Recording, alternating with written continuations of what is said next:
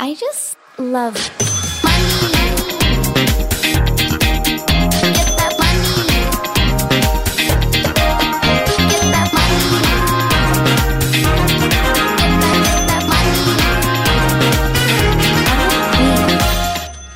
mandag og velkommen til en ny episode av Karrierekvinner podcast.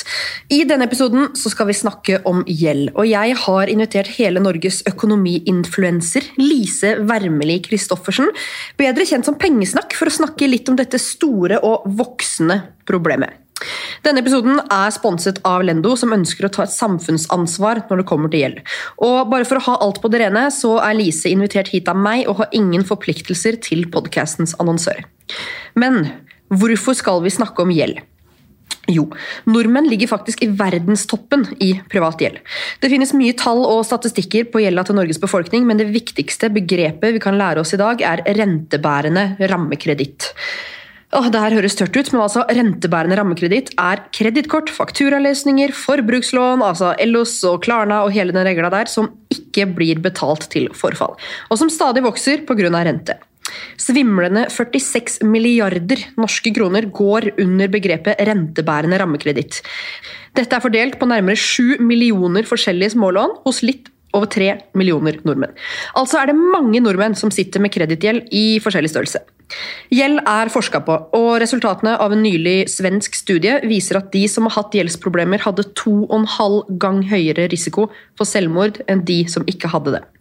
En amerikansk studie viser at økonomisk press økte risikoen for selvmordsforsøk med over 50 i dag er det få fenomener som er så sterkt assosiert med stigma som det å ikke betale tilbake gjelda si, og derfor må vi snakke mer om gjeld. For hvorfor snakker vi ikke mer om gjeld når omtrent alle voksne mennesker i landet har det? Podcaster, forfatter og økonomiinfluenser Lise Wermelie Christoffersen er i studio, og i dag blir det rett og slett pengesnakk i Karrierekvinner. Velkommen hit, Lise. Introduser deg, altså, for de som ikke vet hvem du er, eh, og som følger ditt univers. Hvem er Lise Pengesnakk? Jo, eh, jeg heter Lise, jeg er 34 år, er gift og har to små gutter. Jeg starta Pengesnakk i 2015 fordi penger er et tema vi snakker for lite om.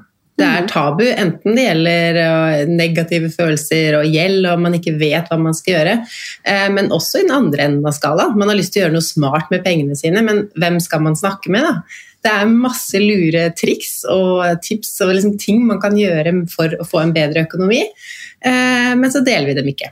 Så det ville jeg endre på, så jeg starta å blogge, som etter hvert ble podkast. Så nå er jeg i alle sosiale medier og skriver bøker, holder foredrag. Eh, rett og slett sprer eh, spareglede og prøver å all info jeg finner om penger og økonomi, dele det sånn at flest mulig får en god økonomi.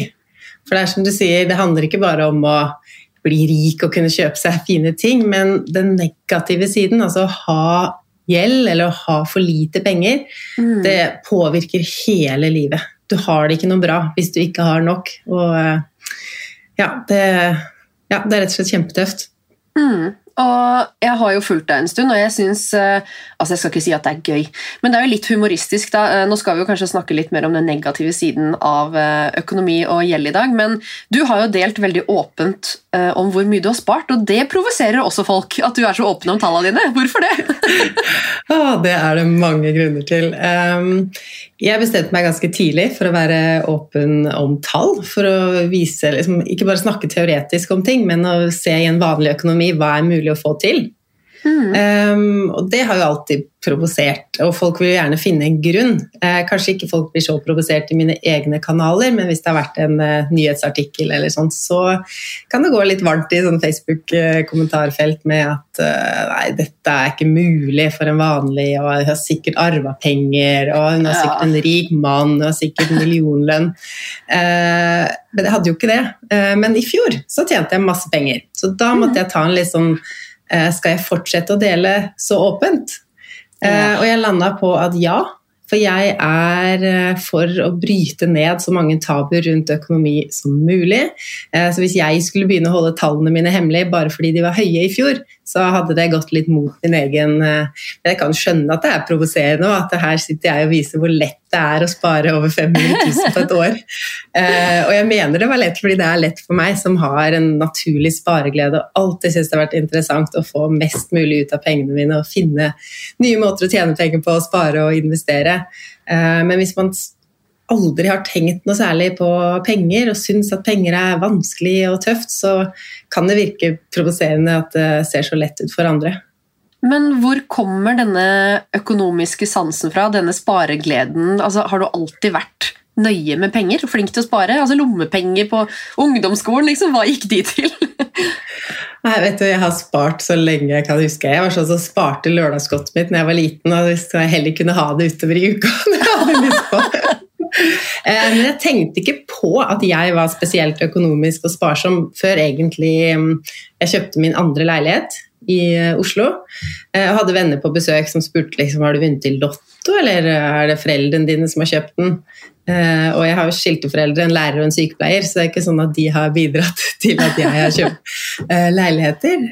Um, Men jeg tjente jo masse, syns jeg. da. Det var min første jobb, men fikk over 20 000 ut i måneden. Og da sparte jeg jo ja, sikkert 15 000 av de. Jeg trengte ikke liksom, å bruke mer.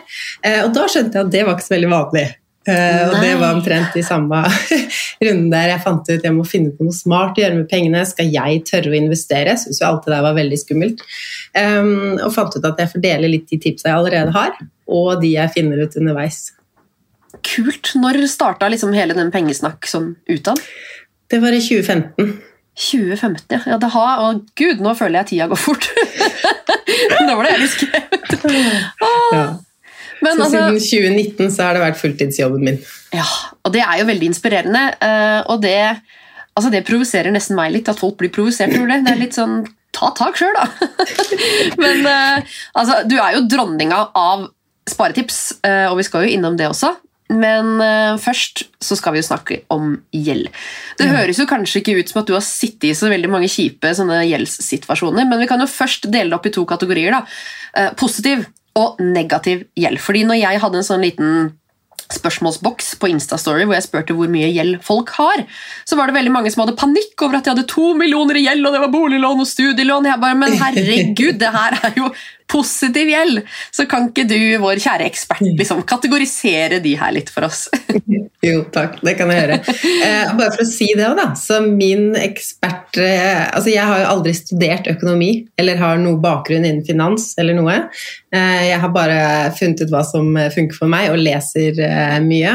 Eh, men når det gjelder god og dårlig gjeld, så er jo god gjeld gjeld man tar opp for å få noe mer ut av det. Sånn som Mm. utdannelsen du tar.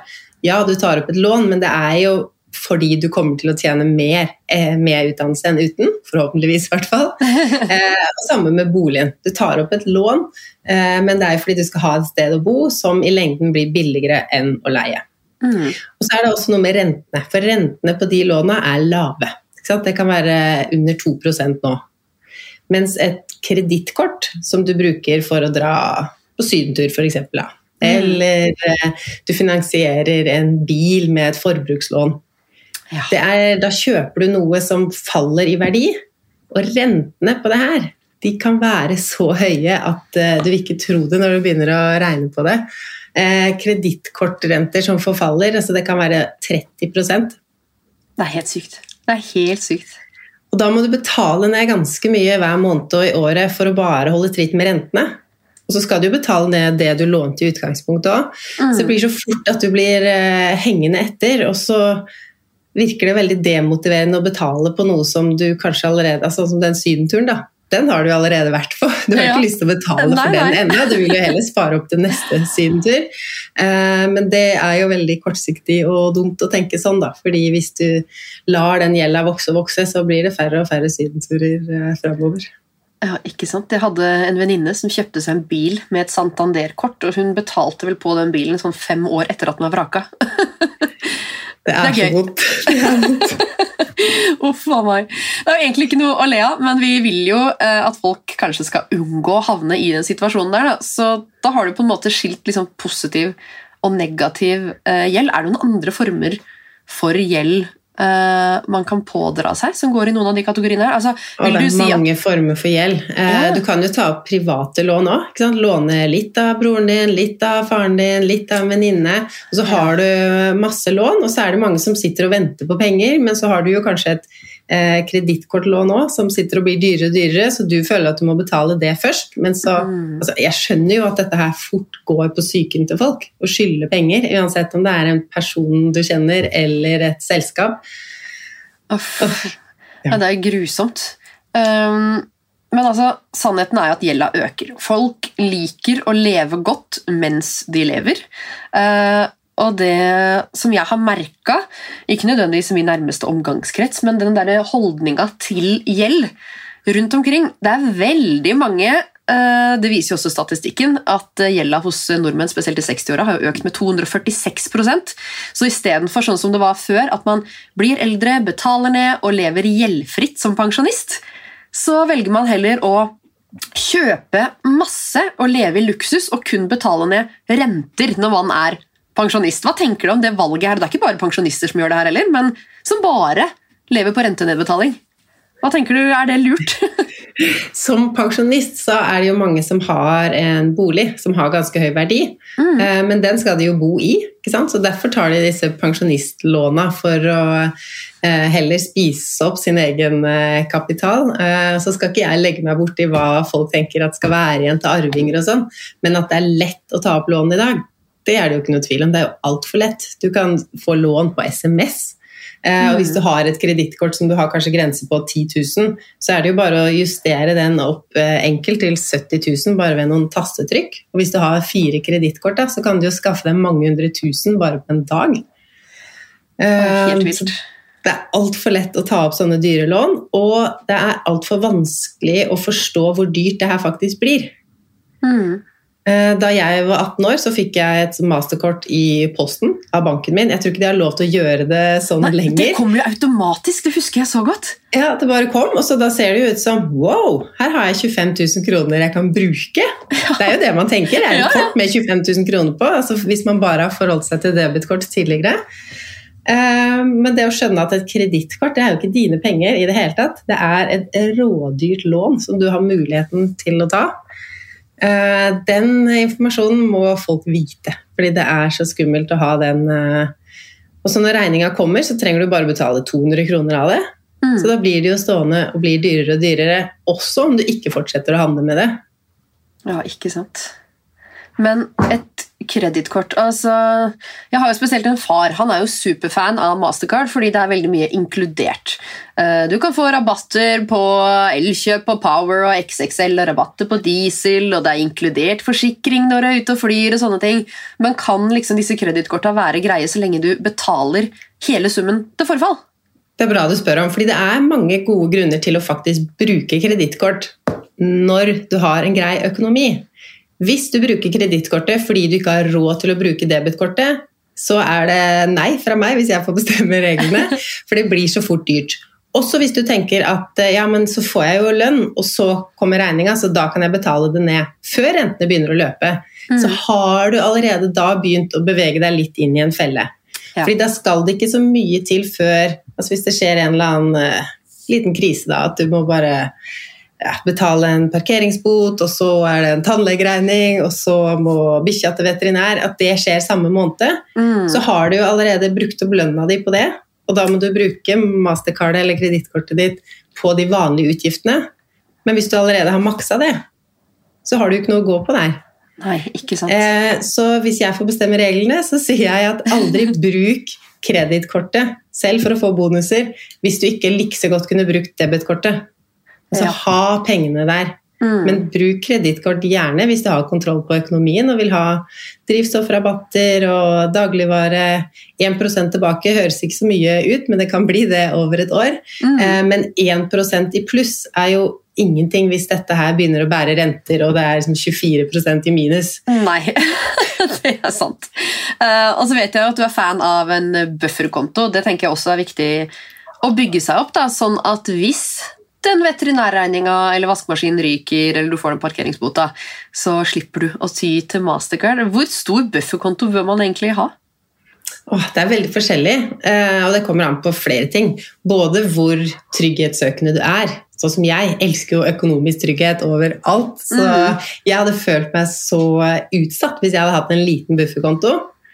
Eh, og så er det noe med hvilken livssituasjon du har i, og egentlig hvor mye du har som kan bli ødelagt. Ja. Altså Hvis du har barn og hund og to biler og et gammelt småbruk eh, altså Hvis du har masse masse greier, eh, så er det jo mye mer som kan skje av utgifter som kommer plutselig, enn hvis du er student kanskje, eh, bor i en leid hybel og sykler overalt. Da kan det ikke oppstå så mye som du plutselig må betale for. Og så må du tenke litt på arbeidssituasjonen din. Sånn som Hvis du er student, du pleier å få inn studielån og greier deg på det. Ok, greit, Men hvis du er en familie med to voksne med høye inntekter og også et høyt forbruk, Mm. hvis du da blir permittert, eh, hvis du mister jobben helt, hvor lenge skal du klare deg da på oppsparte midler? Hvis du bare har 5000 kroner på bufferkontoen din, så varer det kanskje bare en halv uke. Da må du ha mye mer. Sant.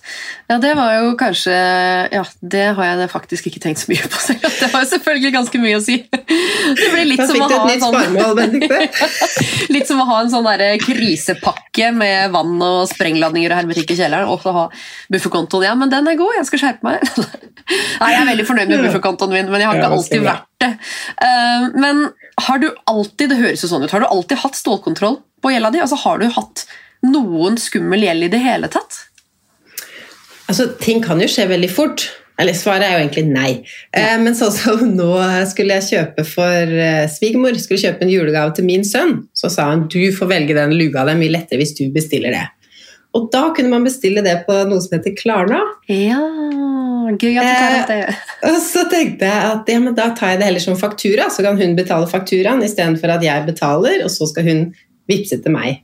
Ja. Eh, men det glemte jeg jo at jeg hadde gjort da hun spurte hvor mye hun skulle betale. Så jeg trodde jo at jeg hadde betalt for den lua.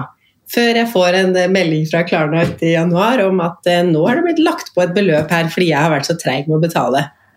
Og jeg får jo helt sånn angst. Nå var dette en lue til 240 kroner, men allikevel å betale 59 eller hva det var ekstra på det. Og hvis jeg da ikke hadde fulgt med på den og ja, nei, Det skjer så fort, og det kan jo skje alle, at noe, en regning eh, Nå som det meste går automatisk òg, så kommer det en regning i posten, og så legger du bare den bort, og så havner den i en bunke med noe, og så kommer det et inkassovarsel. Eh, så jeg skal ikke si at jeg aldri får det, men jeg har aldri hatt en eh, dyr gjeld og slitt med det. Nei. Nei. Nei, altså Gøy at du tok opp akkurat Klarna, for når jeg var student da, vet du, Jeg gikk jo på privatskole i Oslo med mange jenter fra Holmenkollen, og det var fine hæler, Louis Vuitton-veske med chihuahua oppi En viss føring. Eh, Endte jo med da, at jeg gikk på en liten shoppesmell på Nelly.com med Klarna, og de 4000 kronene de rakk å vokse til 17 000 kroner når jeg var student. Ja, det der ser du, altså. Så i dag så hadde ikke det vært et stort problem å få en faktura på 17 000 kroner. For, for det første, jeg er mer moden, jeg har en bufferkonto, jeg har litt mer kontroll. Men da Det var så skummelt. Det var altså å få for det første, når du bor hjemme og du får de breva i posten Det her var jo før alt kom digitalt, før Klarna-appen, før alt det greiene her. Å få de breva i posten med foreldre som spør hva er det her Nei, jeg har full kontroll, de har bare sendt feil. og nei, de klarer aldri å ordne opp. Altså Den skammen, det tabuet, den følelsen å sitte med da, når du så vidt får liksom livet til å gå rundt på de 7500 altså kronene bare den 4000-summen i utgangspunktet var jo høy. Ja, ikke sant? Altså, I den situasjonen man er i da. Hvor lang tid tok det før dette hadde blitt 17? da? Du, vet du hva, Det er jeg litt usikker på. Det her er jo over ti år siden. Men eh, det tok eh, Ja, det gikk faktisk eh, mye fortere enn det kanskje gjør i dag. Det var kanskje litt eh, kjappere eh, påløpende renter før. Jeg er litt usikker på hvordan det fungerte. Men det endte i hvert fall opp med 17 000 kroner. Um, og da å krype liksom til korset til familien og be om å låne de pengene fordi du har bare satt deg i en så ræva situasjon, den følelsen den unner jeg ingen. Um, men herregud, jeg ble jo møtt med 'det her går bra', og selvfølgelig belærende leksjon om at ikke gjør det igjen, og en fin eh, leksjon i økonomi og hvordan man skal bruke penger, og buffer, og hvor dumt det her var. Um, men at jeg da hadde gått Jeg hadde sikkert gått jeg vet ikke, ett og et halvt år og tenkt på liksom den voksne, voksne gjelda der, uten å si det til noen. Men hadde jeg bare revet av plasteret og vært åpen om det med en gang, og lånt 4000-5000 istedenfor 17 Det var jo faktisk ikke skummelt å komme og si det. Og det er litt som du sa innledningsvis, det er så innmari mange som har gjeld. Men allikevel så tror man at oi, når dette skjer med meg, jeg er jo den eneste i verden som har vært så dum. Ingen jeg kjenner ville gått på en sånn tabbe. Nemlig. Eh, Men hvis jeg hadde turt å ta opp det på en jentekveld og sånn Oi, nå har jeg plutselig tre inkassosaker her, eller én Hva skal jeg betale først? Er det noen av dere som Så hadde jo sikkert folk, og enten de har vært i samme situasjon eller ikke, kunnet hjelpe deg. Og ja, som du sa med tallet, at det er så så så mange som har eh, vært der selv med store og små beløp, så å kunne snakke med det og hjelpe hverandre, det Mm. hadde vært så fint, da. Og det er jo det vi prøver å få til her med denne hashtaggen som heter 'snakk om gjeld'. Eh, Det er jo rett og slett å snakke mer om gjeld. Snakke mer åpent om økonomi. Sørge for at du Altså Selv om du ikke sliter med gjeld selv, men bare det å vise at 'hei, jeg er her hvis du trenger å prate'. Jeg støtter vennene mine, familien min, altså kom til meg hvis det er noe. liksom. Jeg syns det er noe veldig fint i det. da. Så når jeg liksom kom til fetteren min, som faktisk er yngre enn meg også, bare 'jeg har gjeld', og han, han bare casher ut gjelda mi.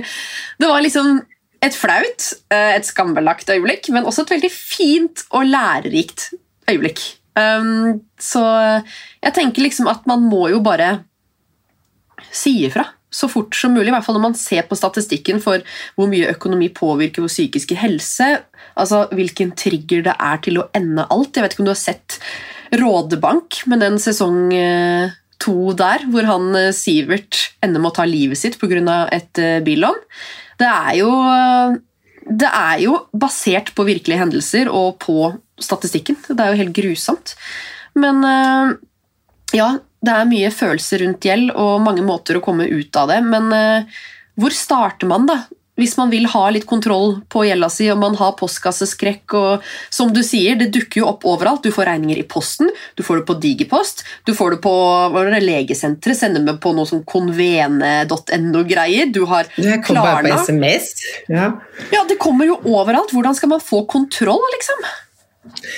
Eh, Nei, én ting er jo det praktiske, å få samla alt. eh, Men før der så må man jo eh, liksom være klar, da. Stålsette seg og tenke hva er det verste som kan skje hvis jeg tør å se det her.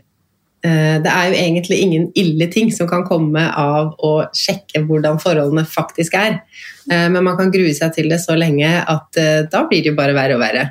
Så bare bestemme seg for at nå skal jeg sjekke. Uansett om det er mer enn jeg kan betale akkurat nå, så vet jeg i hvert fall hva det er. Og jeg kan begynne å prioritere litt hvor jeg skal rette eh, ekstra penger hvis man har det. Så er det da å samle inn eh, Nå kan du jo bruke altså gjeldsregisteret. Der kan du få opp eh, forbrukslån og kredittkort. Det jobbes også med et inkassoregister. For men foreløpig så må du da ringe alle inkassobyråene du tror du har noen saker hos, og høre. Uh, og det er jo en god trening i seg selv, for det er såpass mange inkassobyråer at du rekker å bli ganske varm i trøya og komme over den angsten innen du har ringt alle de. Så uh, det er bra at det kommer løsninger på det, og at ting samles mer. Eh, en liste over de private låna dine. Har du forskjellige nettbanker? Um, det finnes en app som heter Horde. Den tar også utgangspunkt i det gjeldsregisteret. Så der får du både forbrukslåna dine og kredittkorta samla. Og der kan du se på alle kredittkortene, litt det du snakka om i stad, rentebærende og ikke-rentebærende saldo. For det som jeg har kjøpt mat for forrige måned, det er jo ikke noe sånn krisegjeld. Men hvis jeg har hatt en saldo stående over mange måneder, så er det rentebærende saldo og noe som haster. Ja. Eh, og så er det jo litt sånn at all gjeld eh, haster jo ikke. Studielånet ditt, boliglånet. Jeg bruker å tenke sånn hvis det er over 5-10% rente, så er det en hastesak. Mm. Og så er vi jo litt ulike med hvordan Altså, hvor mye haster det som haster? Jeg som får helt angst av gjeld og betale renter, ville jo gjort alt jeg kunne døgnet rundt for å betale ned det. Jeg følger en dame på Instagram nå som er ute og panter flasker hver dag. Leiter etter pant for å betale ned eh, forbrukslånet sitt. Kjempeinspirerende. Eh, um, men hvis det er et kjempestor gjeld, så er ikke dette noe du kanskje kan bli kvitt på et par-tre måneder, og da å kutte alt av glede ut av livet ditt, når du kanskje allerede dette her påvirker deg veldig. Eh, Så man må se på hvor mye kan jeg betale ned hver måned. Er det noen ekstra inntekter jeg kan skaffe meg, enten om det er å pante flasker eller jobbe deltid, jobbe overtid på jobben. Eh, nå er jo ikke din personlige økonomi noe argument for å få høyere lønn på den arbeidsplassen du er, eh, men det kan være andre grunner til at du fortjener en høyere lønn. Hvis du har eh, vært flink og det er lenge siden forrige lønnssamtale, kanskje du har tatt noe kurs. eh, lønnstrinn, sjekk opp at du ligger riktig i lønn. For hvis det kan være noe at du plutselig får inn 3000-4000 ekstra hver måned, så kan jo det være med å dekke masse av den gjelda du har. Mm. Eh, Og når det kommer til hva man skal eh, Det er en sånn guru i eh, USA som heter Dave Ramsey. Jeg vet ikke om du har hørt om han? Han er sånn veldig på dette med gjeldsnedbetaling og har et daglig radioprogram på flere timer hvor folk kan ringe inn og så når de har endelig blitt gjeldfrie, da, og så bare skrike liksom, hvor mye gjeld de hadde, og at nå er de gjeldsfri. Eh, og han sier f.eks. at eh, du skal ikke se innsiden av en restaurant så lenge du har dyr gjeld, med mindre du jobber der. Så han er sånn super, superstreng og har fått ganske mange motstandere òg. Så det er ikke noe tvil om at han har hjulpet mange ut av gjeld. Eh, Men hvis det her er en gjeld du må leve med i årevis, nekte seg selv å ta en kaffe på restaurant da, det blir for drøyt. ikke sant? Ja, det er jo ikke Um, levbart, spør du meg, men Nei. Eh, Men samtidig er det jo sånn at jo lenger du har gjelda, jo dyrere blir den.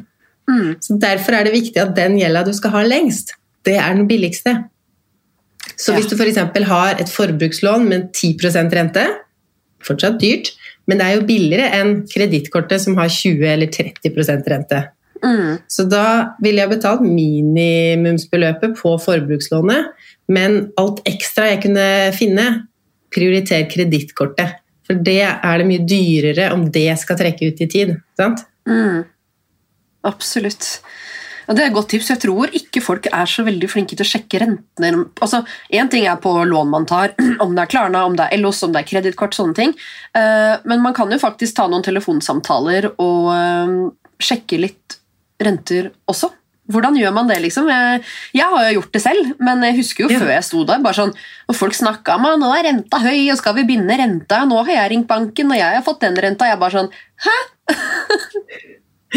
Ja, fordi det man eh, ofte ser på, da, og det som eh, man merker mest på kroppen, det er jo eh, hvilket beløp som blir trukket hver måned. Så hvis du har et kredittkort hvor fakturaen er på sånn 4000, et forbrukslån som det tar 3000, eh, kanskje et annet billån eller hva som helst som tar Så ser du bare på summene. Eh, men du må heller se på rentene for å finne ut hvor du skal dytte inn eh, maks. Og man kan jo gjøre noen ting for å få lavere renter. Altså Hvis dette er eh, sånn som det lånet ditt som hadde vokst til 14 eller var det 17 000? 17. 17. 17. så er det snakk om noen måneder innen du hadde klart å betale ned det. sant? Men hvis det hadde Mm. vært over halvannet år, da begynner det å bli viktig å se på de rentene. Kan man Mm. gjøre noe her? Og hvis du f.eks. hadde hatt et boliglån og betaler ned renter på det, så blir jo det også en feil prioritering av hvor du bruker pengene dine. Når boliglånet ditt har kanskje 2% rente, og så betaler du inn 10 000 på det hver måned, mens du lar den Klarna-kreditten stå og gå. Mm. Eh, Så da kan man rett og slett snakke med banken eh, og se om det er mulig å få avdragsfrihet. Kanskje bare i to-tre måneder, og heller da bruke de pengene man pleier å betale ned på huslånet eller boliglånet, og bruke på den dyre gjelda. Og så er man ferdig med det kapitlet Ja, for denne gangen, og forhåpentligvis for alltid. ja, men det er, altså, hvis det blir for lettvint òg, lærer man noe da? Nei, det er akkurat det. Jeg følte jeg Eh, lærte mye av å gå dit med lua i hånda og bare «Ah, drite meg ut. Ja, eh, så derfor også Hvis det er et mindre lån som er håndterbart over noen få måneder, så ville ikke jeg heller brydd meg så veldig om det med rentene, men heller funnet strategier for å leve på en billigere måte. Må Mm. livet ditt være så dyrt som det er akkurat nå?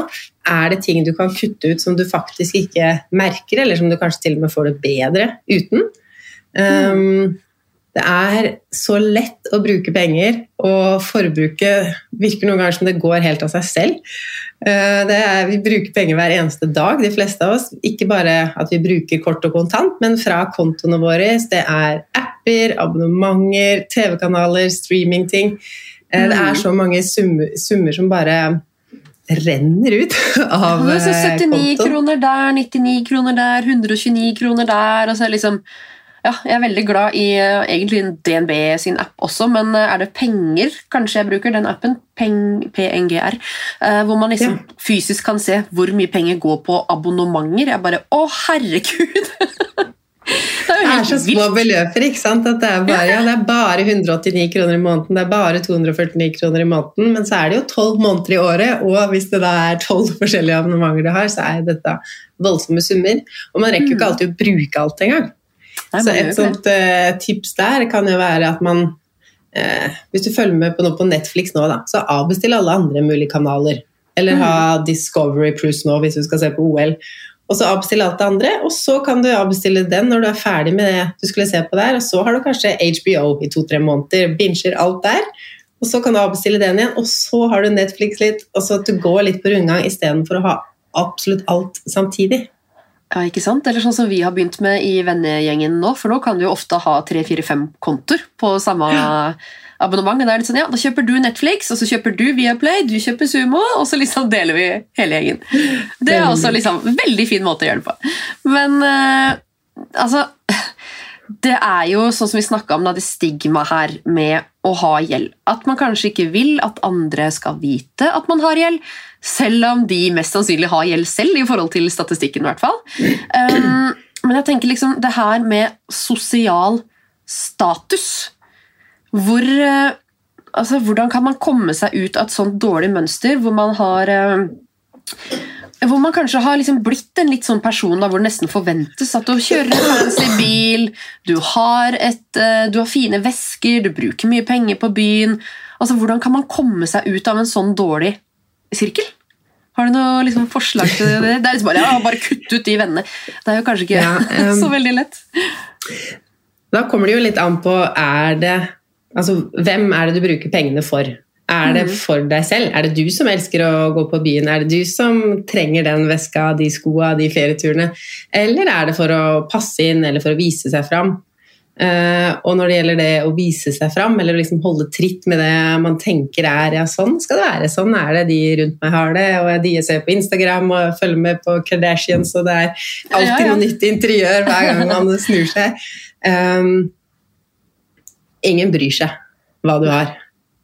Uh, virkelig ingen bryr seg, annet enn eh, deg selv. Så hvis dette er forbruk som faktisk gir deg dårlig samvittighet, nesten, uh, gleden er kortvarig, du tenker du kan ikke vise det fram så mange ganger engang, fordi eh, da har jo folk sett det før, det er gammelt nytt. Um, for noen år siden så slutta jeg å kjøpe klær. Og det var før jeg begynte på hjemmekontor. Så hadde jeg en garderobe med 33 plagg. Og jeg tenkte at etter Wow. hvert så kommer de til å spørre på jobben Nå går du i de samme antrekka hele tida. Hva skjer, liksom? Ingen bryr seg. Altså, jeg fikk egentlig flere spørsmål. 'Å, så fin du var i dag.' Eller 'Å, er det ny?' Og nå har jeg blitt sånn Ny? Den er ikke ny! Så klart er ikke den ny. Jeg kjøper bare brukt og eh, bruker eh, klærne mine i årevis. Ingen legger merke til hva du har på deg. Det er synd å si det for de som prøver å imponere med klær og vesker. Men eh, kjøp ting og gjør ting for deg selv. Um, for de fleste av oss, i hvert fall før vi legger oss opp en sånn gjeld, vi har jo råd til ganske mye.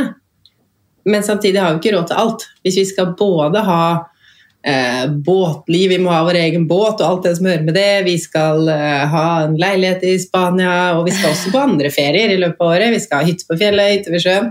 Eh, nå drar jeg det veldig langt her, men det kan også være sånn eh, eh, Alltid kjøpe den kaffen på morgenen, eh, smoothie i lunsjen, og så skal man spise ute. Det er mye forbruk som virker smått òg, men som blir mye hvis man skal følge med på absolutt alt. Så å tenke litt gjennom hva er det som er viktig for meg? Hva er det jeg elsker å bruke penger på? Og hvis det er klær, så er jo det helt greit, men da kan du kanskje ikke samtidig eh, være med ut og spise hver gang, dra på alle de reisene, ha det fineste interiøret. Du må liksom velge litt hva er min greie. skal jeg bruke pengene mine på hest, så må jeg spare inn på noe annet. Ja, ikke sant. Nei, det det er sant. Føler meg litt truffet her jeg sitter liksom med båt og bare «Ah, Skal vi hytte der, eller leilighet i Granca, eller hva? Bare, men altså, de tinga der tenker jeg det gjør jeg for meg sjøl. Jeg kjøper jo ikke en båt eller en leilighet i Gran Canaria for noen andre. Men uh, samme med, jeg er veldig glad i designvesker. Uh, men jeg driver og tenker at de øker jo kanskje i pris. Men uh, nei, det er sant, man kan ta seg mye i det. Og det du sier med at små beløp kan vokse stort altså Jeg har et veldig godt eksempel på det fra jeg var gravid. Um, Ja. altså, det er helt tullete, for jeg har gjort et regnestykke på det nå. Jeg blir helt, helt rød bare jeg snakker om det nå. Men jeg fikk Jeg fikk oppheng på jordbær når jeg var gravid. Ja, Jeg måtte ha en eske jordbær hver dag. Eh, Og dette var ikke i sesong heller, eller? Nei, altså Uansett, ikke sesong eller sesong. Det koster jo rundt 40-50 kroner boksen uansett da, om det er nydelige norske jordbær, eller om det er importert fra Belgia, sånne Bola store jordbær. liksom. Men jeg har da funnet ut at hvis man kjøper én boks jordbær hver dag i ni måneder, så er det 13 500 kroner på jordbær. Det var det verdt. Jeg blir bare sånn, Hva er det her? Og da kan du tenke deg de som gjør det samme med kaffen. da, Ikke bare i et svangerskap, men kanskje nesten hver eneste dag hele året. Hvor mye penger det blir. Det er helt Ja, vilt. blir- Men da er jeg igjen tilbake med det på prioriteringer. Da. Hvis man kan si ja, hvis du hadde kutta den kaffen, så kunne du jo dratt til Gran Canaria i vinterferien. Mm. Eh, men det er ikke sikkert den personen har så veldig lyst til å dra til Syden. Men den kaffen hver morgen, eller det jordbæret, det er bare makes my day. Da syns jeg mye heller du skal spise jordbær eller drikke kaffe enn å kjøpe en veske til i samlinga som eh, ikke gir deg så mye. Nei, ikke sant. Nei, men Da skal jeg ha god samvittighet, fordi eh, potensielt 13 500 kroner som jeg brukte på jordbær. Huff a meg. Men vi har jo vært litt innom det, men altså budsjettering. eh, Spesielt når man har gjeld. Hva skal man prioritere? Hvilke kreditorer skal man betale først? Um, vi snakka litt om det der med å se på renter, men eh, den aller viktigste å betale, det er vel staten, altså offentligheten, skatt og hvis du driver for deg selv, skatt og moms og alle de tinga der. Er ikke det liksom For det kan du havne i fengsel for, kan det ikke det? Ja, ja, de gir deg ikke noe break. Det, er, eh, det, det må du betale. Ja, for det er mange karrieredamer som sitter og hører på den podkasten her, så jeg tenker liksom at den eh, ikke utsett skatten og momsen. Det påløper tvangsmulkter, og de kan, eh, i hvert fall hvis du har enk, de kan jo ta alt du har. Ja, og det går jo på dager. ikke sant? Betaler du bare to-tre dager for seint, så har du fått noen kroner som har begynt å løpe. Så det der er viktig. Eh, og hvis det er sånn at eh, bedriften din gikk dritbra i fjor, så tror jo skatteetaten at det går like bra i år. Og hvis det er sånn at eh, det ikke stemmer, så må du gå inn på skatteetaten.no og endre den forventa inntekten, sånn at de eh, skattetrekka som kommer da fire ganger i året for oss med enkeltpersonforetak, at ikke de er så høye at du ikke kan betale de. Det er veldig viktig. Ja, for det er greit at du får tilbake penger på skatten neste år, men du skal helst leve det året der òg. Ja. Og andre veien. Hvis eh, selskapet gikk dårlig i fjor, og så går det dritbra i år, og så tenker du ja, men nå renner det inn penger her, nå er det bare å bruke. Eh, husk å justere opp det skattetrekket og betal kanskje litt inn ekstra eh, underveis, eller i hvert fall vite at her kommer det en stor skattesmell, så det må du jo sette av penger til. Mm. Ja, der hadde jeg Bare flaks. aldri tenke ja. Nei, nei, kjøp på. nei. Altså, jeg hadde litt uh, flaks. For, altså, I år så går altså, seriøst alle fondene mine er i rødt. Men i fjor I fjor så var det et veldig fint uh, år for uh, mine globale indeksfond. Jeg satt da, jeg forventa jo da en skattesmell. Dette er et tips jeg har gitt før, som man kanskje egentlig ikke burde gi, for man har jo ingen garanti for hvordan fondene går. Men jeg satte jo da inn pengene til skattesmellen som jeg visste kom til å komme, i fond. Og Dette de er bare høy risiko. ja, det er høy risiko! så jeg bare kanskje ikke skal gi det tipset videre, men jeg hadde veldig flaks. Men uh, det er et sånt tips som jeg ga i fjor, som dere ikke trenger å Altså, ikke, ikke gjør det. Bare følg med på skatteetaten. Gå inn og juster skattekortet ditt. Jeg tror kanskje jeg gjorde det tolv ganger i fjor. For hver gang jeg liksom Ja, det er ikke liksom noen begrensning på det. Nei, nei, nei, er bare gå inn. Um, så det er veldig lurt til dere som har egne foretak. Nå har jo jeg to AS, eh, så hvis det er en mulighet, så er jo det også noe å tenke på. Da står du jo ikke like personlig ansvarlig dersom det ikke går like bra. Selv om jeg fortsatt vil anbefale altså å betale skatt og moms. Men eh, eh, kreditorer, hvilke kreditorer skal man betale først? Eh, du var så vidt innom det, eh, men noe, liksom, er det noen spesiell rekkefølge man skal tenke på når man legger opp et budsjett og skal betale ned altså generelt budsjettering for folk som kanskje ikke har så mye ekstra? Ja, nå er jo ikke dette mitt eh, ekspertområde, men det jeg kan si, er jo at de fleste er jo mennesker som det går an å prate med.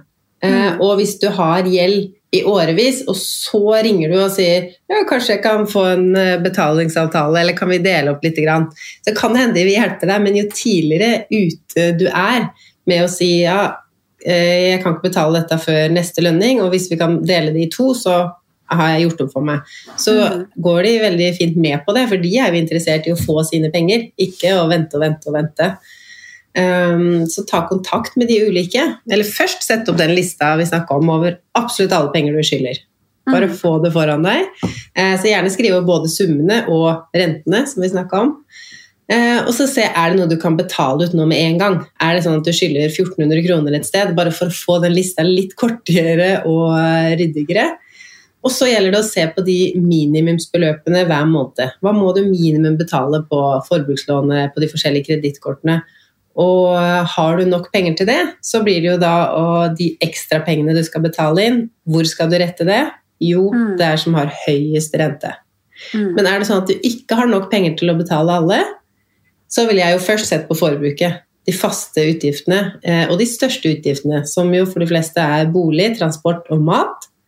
Har du en bil som du ikke trenger, som ikke bare har en verdi som du da kan realisere og bruke til å betale ned på låna, men også kostnaden ved å ha bil, den er så utrolig høy, så trenger du virkelig ikke bil. Ikke ha det.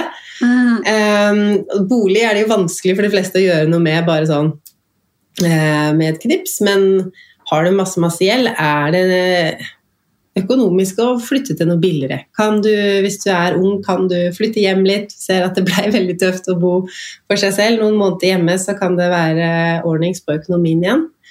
Eh, mat, hva slags ting kan du gjøre for å dra ned på matbudsjettet? Kanskje akkurat nå som du har gjeld, så kan du ikke spise jordbær hver dag. Det får vente til du er i en bedre, tryggere økonomisk situasjon. Da kan du spise så mye jordbær du orker. Men akkurat nå med den gjelda du må ofre noe, ikke sant? fordi du vil jo bli ferdig med det her. Det er ikke noe Mm. verre enn å drive og ha masse dyr gjeld som, som går oppover istedenfor nedover. Det er eh, Nei, du vil jo bli kvitt det. Så legg inn eh, ekstra jern på å få inn ekstra inntekter hvis du kan det. Har du noe hjemme som kan selges unna? Den gamle iPhonen din, selv om den har knust skjerm, en eller annen fyr på internett, han vil ha den telefonen og gir deg en tusenlapp for den, så du kan bruke og betale ned på gjelda. Bli kreativ. Se hva du kan gjøre på inntektssiden og på å senke forbruket. Kan hende det holder med en måned eller to med shoppestopp, og så er du a jour igjen. Eh, Men hvis dette er eh, lengre, og du fortsatt ikke har råd til alle de minstebeløpene en gang hver måned, så må du begynne å snakke med de kreditorene og få en ordning på kan jeg få det liksom utsatt, kan jeg dele det opp mer. Mm. Ja. Men eh, det er jo hashtag snakk om gjeld som vi har her. Og vi har jo sett på Luksusfellen at man har prøvd å gå i dialog når man virkelig sliter. At man har prøvd å gå i dialog med kreditorer som ikke er villig til å hjelpe til fordi det har, har gått for langt. Um, og det er kanskje da Altså, da er man jo i en sånn situasjon at det, den klumpen i magen som jeg hadde på 17 000, den er sikkert mye større, men det å være åpen om det, og heller ha et privat lån da, til en bestefar eller onkel eller pappa Det å tørre å ta den samtalen der. Ja. Og det som er viktig da, er jo å lage en ordentlig avtale. Ja. Fordi eh, hvis dette er en person, hvis det ikke er deg, da, men eh, broren din eller søstera di som kommer til deg og nå er det lånet på 17 000, kan jeg jo låne litt av deg? Ja, men så klart. Så bra at du snakker om gjeld, jeg skal hjelpe deg, det er ikke noe problem. Betal tilbake når du kan. Eh, Men så er det kanskje flere regninger det er snakk om, flere lån. Så den personen har ikke bare gått til deg, den har også gått til foreldre, venner, kollegaer. Eh, Og du havner plutselig ganske langt nede på den prioriteringslista. Så er det her noe som ødelegger både familieforhold og kjæresteforhold og venne- og kollegaforhold. Og når de også har eh, andre kreditorer som sitter med litt mer makt enn det private lånet ditt, så skal man se langt etter å få det tilbakebetalt. Så sørg for å ha en ordentlig ordning.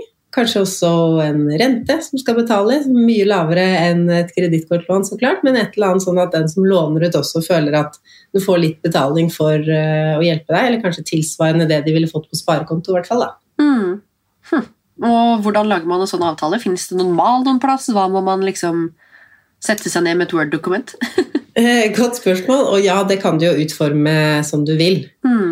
Eh, også sett en, eh, Jeg har ikke sjekka det ut selv, men en, eh, appen Horde har noe som heter vennelån. Så da får du liksom registrert summen og kan også få rente, sånn at det er inni et system. Og det er faktisk helt gratis å Oi. eh, legge avtalen sin inn eh, der. Smart.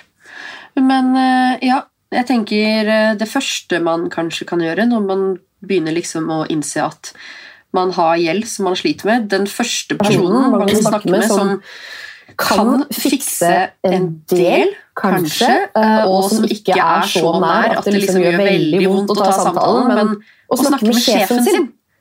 Og få mulighet, som du sier, da, til å Ikke det at du fortjener høyere lønn fordi du har satt deg i en dårlig situasjon, men det du sier da, med å forhandle, med å kanskje få jobbe litt mer, um, så snakke med sjefen sin kanskje til og med først, eller først kreditorer, Uh, eventuelt Nav, rådgivere i banken.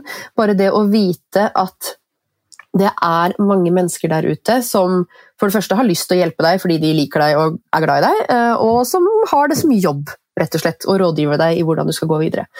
Um, så hvis man har pådratt seg en sånn havna i en sånn situasjon da, hvor det har blitt så tungt, bare det å vite at det er alltid en vei ut, det må jo være liksom hovedpoenget med denne hashtagen her. Å bare være åpne om det. Vi må jo være mer åpne om økonomi, positiv økonomi, negativ økonomi, om gjeld. Herregud, det gjelder jo alle. Um, Ja, absolutt. Og det er som du sier, det er en vei ut uansett. Det er Mm. bare det at når det går så langt at som du sier, den klumpen i magen blir jo også en vondt i ryggen, du, Ja. det går over på psyken. Da har du plutselig ikke den eh, Nei, jeg bare tar en ekstravakt, jeg, eller jeg bare finner på en ny business som jeg kan tjene en halv million på neste år. mm, Du mister jo den driven når det her har tynga deg ned. Så blir det jo færre og færre utveier jo eh, lengre det går. Men uansett så er det jo hjelp å få. Som du sier, Nav har gjeldsrådgivning. De kan hjelpe deg med noe så basic som å sette opp budsjettet ditt og bare se ja, det her er så mye penger du har til å betale gjeld hver mm. måned.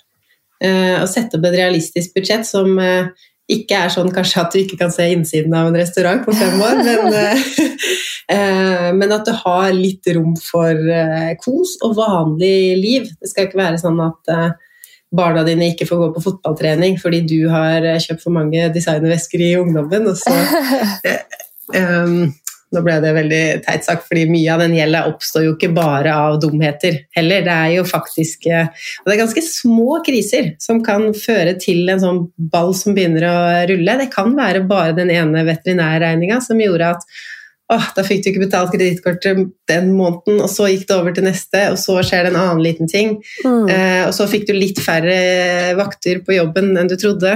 Så hadde du tatt eh, For det er jo en ting man kan spørre sjefen sin om, da, å få feriepengene litt tidligere. Ja. Istedenfor at da rentene må løpe helt til sommeren. Eh, men hvis du allerede har gjort det, da, så kommer du til sommeren, og så har du fått noen nye Det er ganske små ting som kan eh, få den negative ballen til å begynne å rulle, og Mm. til å rulle ganske fort. Så ta tak i det så fort som mulig, selvfølgelig. Men eh, vi har jo eh, hatt en liten eh, Q&A da, på Instagrammen, både min og til eh, Equal Agency. Eh, det er noen spørsmål til deg. Eh, Ja. Jeg er klar. Tips til å refinansiere gjeld? Stort spørsmål. ja, eh, vi var jo litt inne på det med å bake ting inn i boliglånet. Hvis du Mm. har et boliglån som du har vært flink å betale ned på, så har du rom der for å øke litt og få litt av den eh, dyre drittgjelda inn der. der. Eh, Men så finnes det jo egne muligheter for refinansiering, rett og slett. Det betyr jo at hvis du har masse smålån, du har kredittkort her og der, så kan du heller samle det i ett forbrukslån, sånn at du får én regning hver måned enn å måtte ha disse fire, fem eller tolv som vi snakka om. At Mm. å, de skal ha litt penger her og der, og den forfaller den 12., og den forfaller den 20., og at det blir veldig mye styr. Eh, så refinansiering er rett og slett en måte å få én, eh, én regning å forholde seg til. Mm. Og da er jo renta ofte lavere enn på eh, ja, sånn som kredittkort. Så er renta lavere. Mm. Og da kan du betale ned over kortere tid også, kanskje. Og da betaler du også totalt sett mindre renter. Ikke sant? Ikke bare det, men hvor mye altså Jeg kan bare se for meg, hvis du har tolv forskjellige kreditorer i forhold til én, hvor mye lettere det blir med den ene regninga på Digipost i forhold til tolv. Og da har man jo, som du sier, da, litt mer kanskje glede og giv og drive til å jobbe mer, til å pante de flaskene, til å liksom gjøre ting som kan generere penger igjen. Um, så lurt. Og så er jeg jo veldig glad i det der du sier da, med å kunne bake inn i boliglånet. Det tror jeg Jeg vet i hvert fall veldig mange av mine venner, de visste ikke det. Men eh, det er en fin mulighet til å bli kvitt gjeld. Ja. Da må du ha vært flink med boliglånet og betalt ned litt, sånn at du har litt rom i eh, boligen din. Men også hvis du har hatt boligen i noen år, så har jo den økt i verdi. Mm. Selv om du kanskje ikke har betalt ned så mye selv, sånn at det er noen muligheter der. Ikke sant. Sjekke det, ja. Eh, Du som har spart mye. For det første, altså, her er noen som har spurt rett ut hvor mye har du spart til nå, siden du starta med det prosjektet her offentlig. Ehm, det kommer jo litt an på hvordan du regner. Ehm, altså, hvor mye har jeg spart? Jeg har spart mye. Eh, investeringer jeg har nå, nærmer seg to millioner. Mm. Boligen har jeg over tre millioner i. Um, Så mye. Du har spart mye. jeg har spart mye, ja. Men hvilke luksusvarer eller tjenester har du selv kutta ut for å kunne spare så mye? Du sa jo det her med shoppestopp og hele pakka der, men ja. For meg så er det litt mer sånn at eh, det er ting jeg aldri starta med. ja. Eh, og det handler litt om at jeg, når jeg hadde gått fire år av masterstudiet, så flytta jeg et år til Tyskland eh, uten å egentlig ha noe økonomi. Eh, eller der var jeg praktikant, så jeg fikk 260 euro i måneden, som er ingenting. Eh, og klarte meg helt fint. Jeg hadde jo bare med én bag med klær fra Norge, kjøpte ikke noen nye klær der, veldig få utskeielser og hadde fortsatt et fint liv. Eh, Så det gjorde jo litt at jeg innså hvor lite man kan klare seg bra på. Eh, Og da jeg flytta hjem til Norge igjen, så begynte jeg å jobbe. Men da visste jeg jo hele tiden at jeg skal jo bli student igjen, så jeg vil liksom ikke skru opp forbruket mitt. Samtidig så var jo vennene mine fortsatt studenter, så det var ikke noe sånn storforbruk rundt meg, så at jeg følte at jeg gikk glipp av noe. Eh, Og siden jeg bare har vært fornøyd med det lave forbruket, så så jeg aldri noen grunn til å begynne med noe høyt forbruk.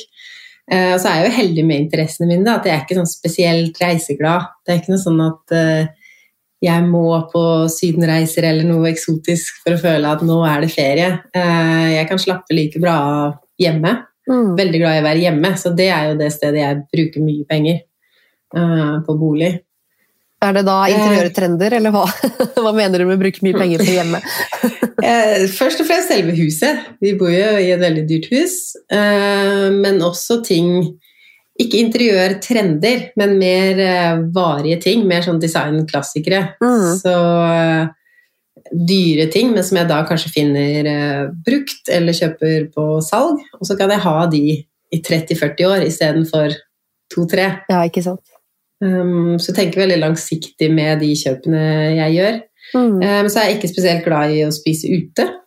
Det ser jeg jo at jeg sparer en del på. Jeg tenker bare, Det må være veldig lett for deg å spare penger, nå skal jeg ikke si det som følgerne sier.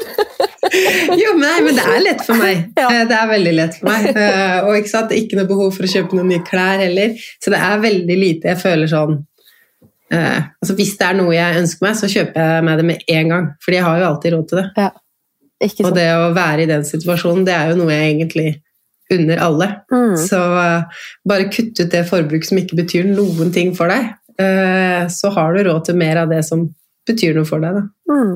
Hm.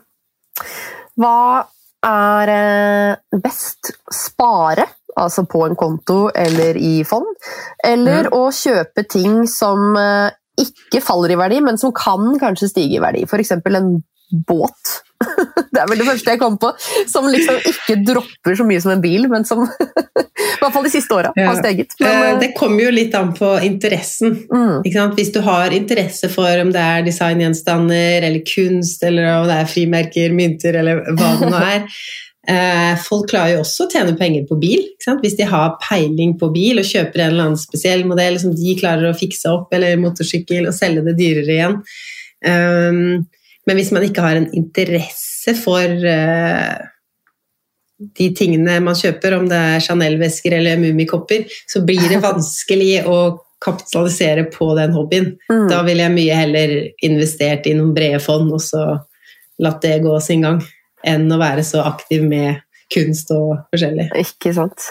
Eh, nå gikk det jo faktisk litt inn på det her med fond selv. da. Det har kommet veldig mange konkrete spørsmål om aksjer og fond. Og med konkrete så mener jeg hvilket fond skal jeg putte pengene mine i? Eh, det her er jo noe jeg også får svar på altså, nei, får spørsmål om veldig ofte. Um, Ja. Og man kan jo også høre episoden som vi hadde med aksjekaffe i fjor. For det er jo kanskje ikke noe man bør råde folk til eh, å altså, jeg har ikke lyst til å ha ansvar for dine investeringer, men har du liksom noen konkrete, eller så konkrete som man kan bli, tips på hva man skal se etter når man velger fond og aksjefond? Ja. Eh, og det første jeg må si da, er jo at du må ha noen ting på plass før du tenker på å investere i aksjer og fond. Og det er jo for det første at du ikke har gjeld. At du Mm. ikke har den dyre type gjeld som vi snakker om her.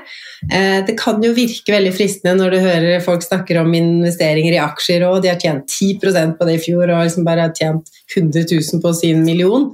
Så får jo du lyst på det òg, men har du gjeld med 20% rente, de investeringene dine må jo da gå i 20% pluss for at det skal være samme avkastning. Mm. Så det, du gjør jo en mye bedre investering på å betale ned masse på kredittkortet ditt enn å investere i fond da. Og så er det det med bufferkonto. Du må Mm. ha litt penger eh, fordi aksjemarkedet svinger. Hvis du ser, finner en graf over aksjemarkedet og zoomer litt ut, så ser du jo at det går veldig mye oppover, men det svinger. Veien der går opp og ned. Mm. Og du vil ikke være i en situasjon der du eh, Sånn som når korona kom eh, i 2020 og Norwegian. mange, mange mista jobben. Ja. Tenkte kanskje og nå trenger jeg bufferkontoen. Mm. Hvis du hadde satt bufferkontoen din i aksjemarkedet da, og så dropper det 30% på et par uker, det er ikke da du har lyst til å hente ut pengene dine. Nei. Så ikke ha gjeld, ha en bufferkonto, og så må du ha en langsiktighet. Mm. Av samme grunn, ikke sant? de svingningene. Skal du pusse opp kjøkkenet ditt til neste år, ikke sett de pengene i aksjefond, for de kan eh, like godt gå 30% ned som 30% opp. Eh, Sånn er risikoen på kort sikt, men eh, på lang sikt så ser man jo at det har gått oppover. Mm. Um, og når det gjelder hva man skal investere i, jeg skal ikke nekte noen å investere i eh, enkeltaksjer, men da er man litt over på spekulering enn investering, kanskje. Mm. Fordi et selskap kan gå konkurs. Mm. Men hvis du investerer i som du sa, globale indeksfond, da investerer du egentlig i hele verdensmarkedet. Og hvis alt der går konkurs på en gang, da har vi større problemer enn dine sparepenger. Ja, da er det noe ordentlig krig på gang. Ja. eh, Skal ikke le av det akkurat nå med alt som skjer i Russland og Ukraina, men Ja, eh, så å spre det ut sant, på eh, Det kan jo være at du har en bransje du interesserer deg for, eller du jobber innenfor selv og vet mye om og har tro på framover, mm. eh, men det som anbefales av eh, eksperter Nå intervjua jeg en finansprofessor til podkasten min nå, og han sier globale indeksfond Det er ikke sikkert det slår andre fond, men siden det er så mye billigere, Mm. Så vinner det allikevel på sikt. Mm. Så det er den eh, investeringsformen som anbefales folk flest. Og da kan jeg bare si at det har stupt som bare rakkerne de siste, så det er ikke sikkert at det er så dumt å kjøpe seg inn nå. Kanskje de får være med på oppturen. Ja. Så nei, men eh, gøy. Det var jo litt mer konkret da, enn eh, det vi har snakka om i podkasten tidligere, faktisk. Men global indeksfond, ja. Um, beste sparetips som kanskje ikke er så åpenbart. Det, altså, eh, det er jo veldig mange sparetips, men de beste sparetipsene er jo de som faktisk får penger fra brukskontoen din og over på sparekontoen.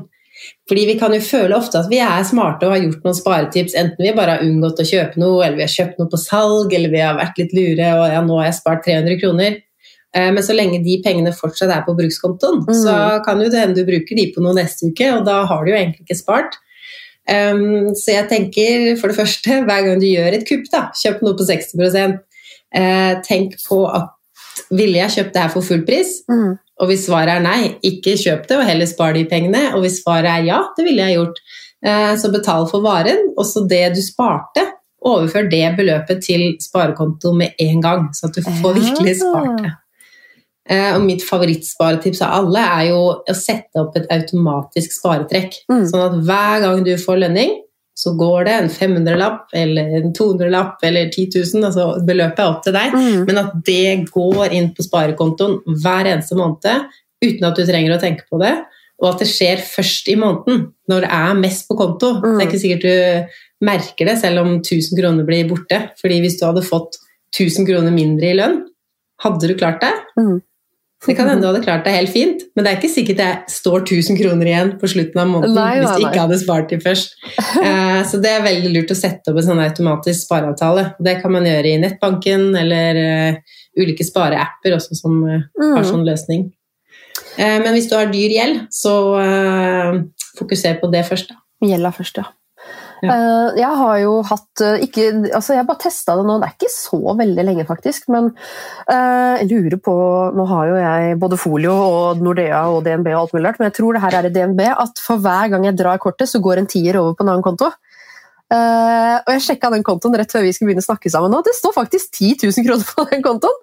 Da blir jeg litt sånn, ok, Hvor mye har jeg shoppa, og hvor lang, tid har det gått? Men ja, det, det var litt sånn interessant, for hver gang jeg drar kortet, eller det blir trukket noe fra kortet mitt på nett, så går det da en tier over til en konto.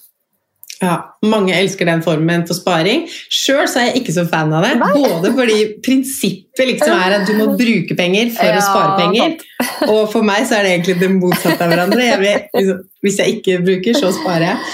Eh, men når man ser hvor mye småpenger kan bli, Mm, så gir jo det et bilde på også at eh, ok, her har jeg trodde jeg ikke kunne spare, men så ser jeg at det har blitt så og så mye. Ja, kanskje du kan sette opp en spareavtale òg på 200 kroner og se hva det blir i tillegg. mm. Ja, ja, ja, det, det er kult Det er så å ha lett å undervurdere de småsummene, men ja. Ja, for det har jeg sett du har laga litt reels på. Det her med liksom Hvordan begynte du å spare? Bare 100-lapp, 50-lapp, 200-lapp. Det blir jo penger. Eh, I hvert fall Ja. hvis man bruker de eller investerer det riktig. Men ehm, hvordan ber man om billigere forsikring, billigere strømavtaler, billigere rente? Altså, vi vet jo at man kan ringe, men er det liksom så enkelt? Og bare, hvordan, har du, noe, du har kanskje vært i sånne situasjoner før? Jeg ser for meg du er den forhandleren. Eh, Nå er det faktisk mannen min som er forhandleren i eh, familien, eh, men boliglånet er sånn jeg elsker å følge veldig med på. Fordi da jeg var ja, 25-26 kanskje, så hadde jeg hatt boliglån i noen år. Men eh, jeg visste ikke at renta var noe jeg kunne gjøre noe med. Jeg tenkte at renta var noe sånn, sånn som i Lånekassen, det er rettferdig, alle får det samme. Ikke at det faktisk er sånn at det er den som ber om det, som får best rente. Mm. Uh, så skal jeg ikke snakke mer om hvor urettferdig det er, men heller bare ta, liksom, utnytte det. Da. Uh, og da begynner man jo med å se kanskje i andre banker. Hvis jeg hadde bytta til Nordea, hva kunne jeg fått der? Mm. Hvis jeg bytter til den sparebanken, hva kunne jeg fått der? For å se liksom, hva er det som fins her, sånn at jeg ikke ringer og sier ja, nå skal jeg ha 7 i rente. Så bare, ja, men du har 2,3, så vi Gratulerer. Eh, Men vit liksom hva, hva ligger det på rundt omkring, og hva er det du kan eh, be om, og hvorfor. Mm. Eh, Det er jo en del fagforeninger som har avtaler med ulike banker, sånn at du får beste rente hvis du er fagorganisert. Eh, Det kan gjelde å være ung. Under 34 år er det ofte, noen banker er opp til 36. Um, og så er det jo å se litt på historikken. da. Er det ofte at du ikke har betalt lånet ditt til tiden? Eh, betaler du det minste du må? Har du ikke noe avdrag? Så ser kanskje banken at du er litt sånn høyrisikokunde. Jeg tror vi heller tar oss eh, godt betalt, fordi det er ikke sikkert vi får betalt av deg hver måned. Men hvis du har fulgt opp betalingsplanen, kanskje til og med betalt inn ekstra, Mm. så har du jo mye bedre argumenter for en lavere rente. Ikke sant. Men det beste er å sjekke rundt og se hva ligger du unaturlig høyt, og så Mm. ta telefonen, og så tru med å bytte. Da. da går jeg til Nordea, da, hvis jeg ikke kan matche. Ja, det er det jeg har gjort mange ganger. Og Ja. det igjen er jo noe med det herre ikke bare hashtag snakk om gjeld, men det her med åpenhet rundt økonomi. Da, at man kanskje kan snakke enda mer om det rundt middagsbordet. I vår familie er vi jo kjempeflinke til å snakke om strømavtaler og forsikringer og ja, renter og hele den pakka der, men også liksom i vennegjengen og dele de tipsa. Du som du, Norges Energi er mye bedre enn Fjordkraft, det var bare et eksempel. Men liksom at man kan liksom være litt interessert i det, hele gjengen. da. For da kan man bygge opp en liste, da blir man litt forbanna òg, liksom. Ja. Hæ, hvorfor betaler jeg 3,2 og du Ja. bare 2,7? Det finner jeg meg ikke i. Nei, nei. Da blir det sånn, da skal du rydde opp i det. Ja, ja. Og sånn, hæ, hvordan fikk du den eh, strømavtalen? Det, nei, da må jeg få ordne opp i minnet òg. Mm. Så absolutt et tips å ta noen minutter på jentekvelden til å snakke om det her òg. Det er nok flere som er interessert i en god deal enn eh, du tror. Og de som kanskje aldri har vurdert å engang tenke på disse tinga, det er jo de som absolutt trenger det mest, og har Mhm. kanskje mest å gå på hvis de bare har funnet seg i hva selskaper har sagt hele veien at de må betale. Ja, ikke sant. Hva er det du eh, som eh, pengesnakk, Lise, hva er det du får mest spørsmål om? Oi. Ja, det er virkelig alt mulig, altså. Fra hvor det lønner seg å kjøpe bleier, til hvilken kryptovaluta som er det beste. Så det er hele spekteret. Det er alt mulig om penger. Um, mye om eh, investeringer i det siste, uh, så da er jeg glad for den episoden uh, som jeg har spilt inn der. Ja, nei, det er virkelig alt mulig, altså. Og du svarer, ha- eller? Det er kanskje veldig mye på gang, men kan man liksom få litt tips fra deg på DM? Absolutt. Uh, ofte så har jeg jo blogger jeg har skrevet, eller YouTube-videoer eller en podkast jeg kan uh, henvise til. Hvis Mm. det er en som spør hvilke forsikringer bør jeg vurdere. Jo, jeg har denne episoden om forsikring. Eh, men hvis det er sånn jeg er 38 år, har en samboer, vi skal nå flytte sammen, jeg har så mye egenkapital, burde Det altså, blir liksom veldig mye det, Alt det der kan jeg ikke sette meg inn i. Nei, ikke sant. Eh, men litt sånn korte svar og henvisninger, det er fint å være en person som folk tør å spørre, fordi det kan være litt sånn man tør ikke å ringe banken og spørre om noe som er så selvsagt for dem, da. Men hvis du ikke har skjønt det ene ordet ja, eh, som liksom ødelegger hele forståelsen, så er det litt mer ufarlig å spørre meg, da.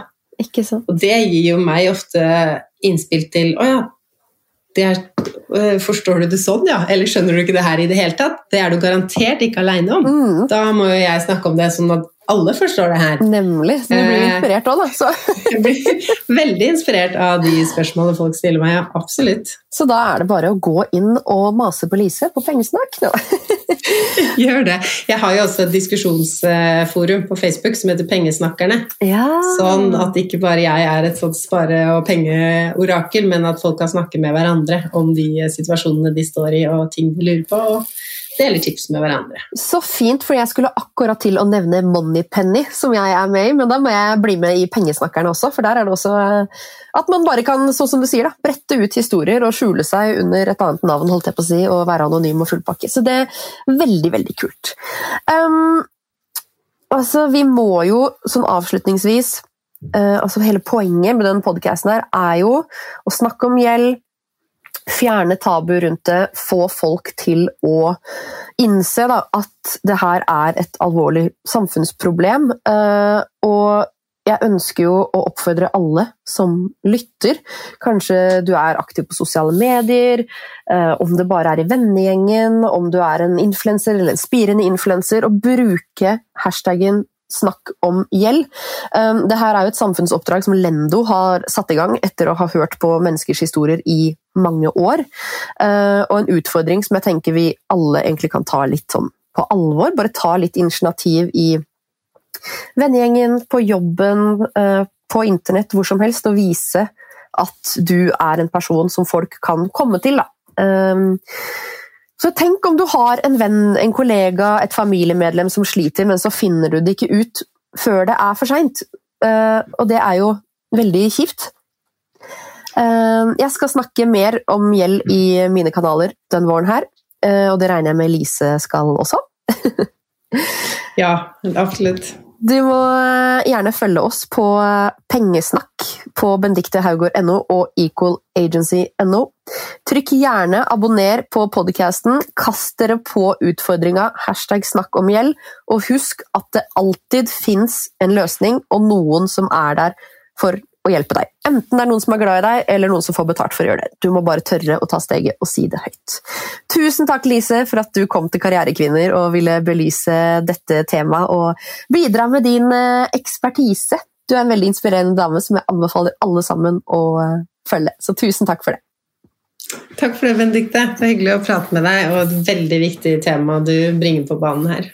Så bra. Nei, men da må vi bare ønske alle sammen en fin uke videre. Og det er mandag, uka er foran deg. Ta tak nå. Gjør som Lise sier, skriv ned på et ark, få oversikt og begynn å ta ringerunden. Så ønsker vi dere en fin uke videre. Ha det bra!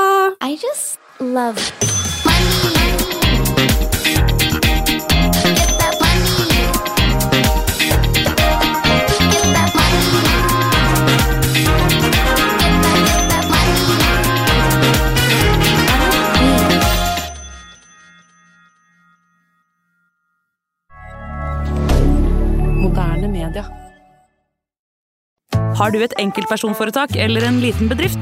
Da er du sikkert lei av å høre meg snakke om hvor enkelt det er med kvitteringer og bilag i fiken, så vi eh, gir oss her, vi. Fordi vi liker enkelt. Fiken superenkelt regnskap.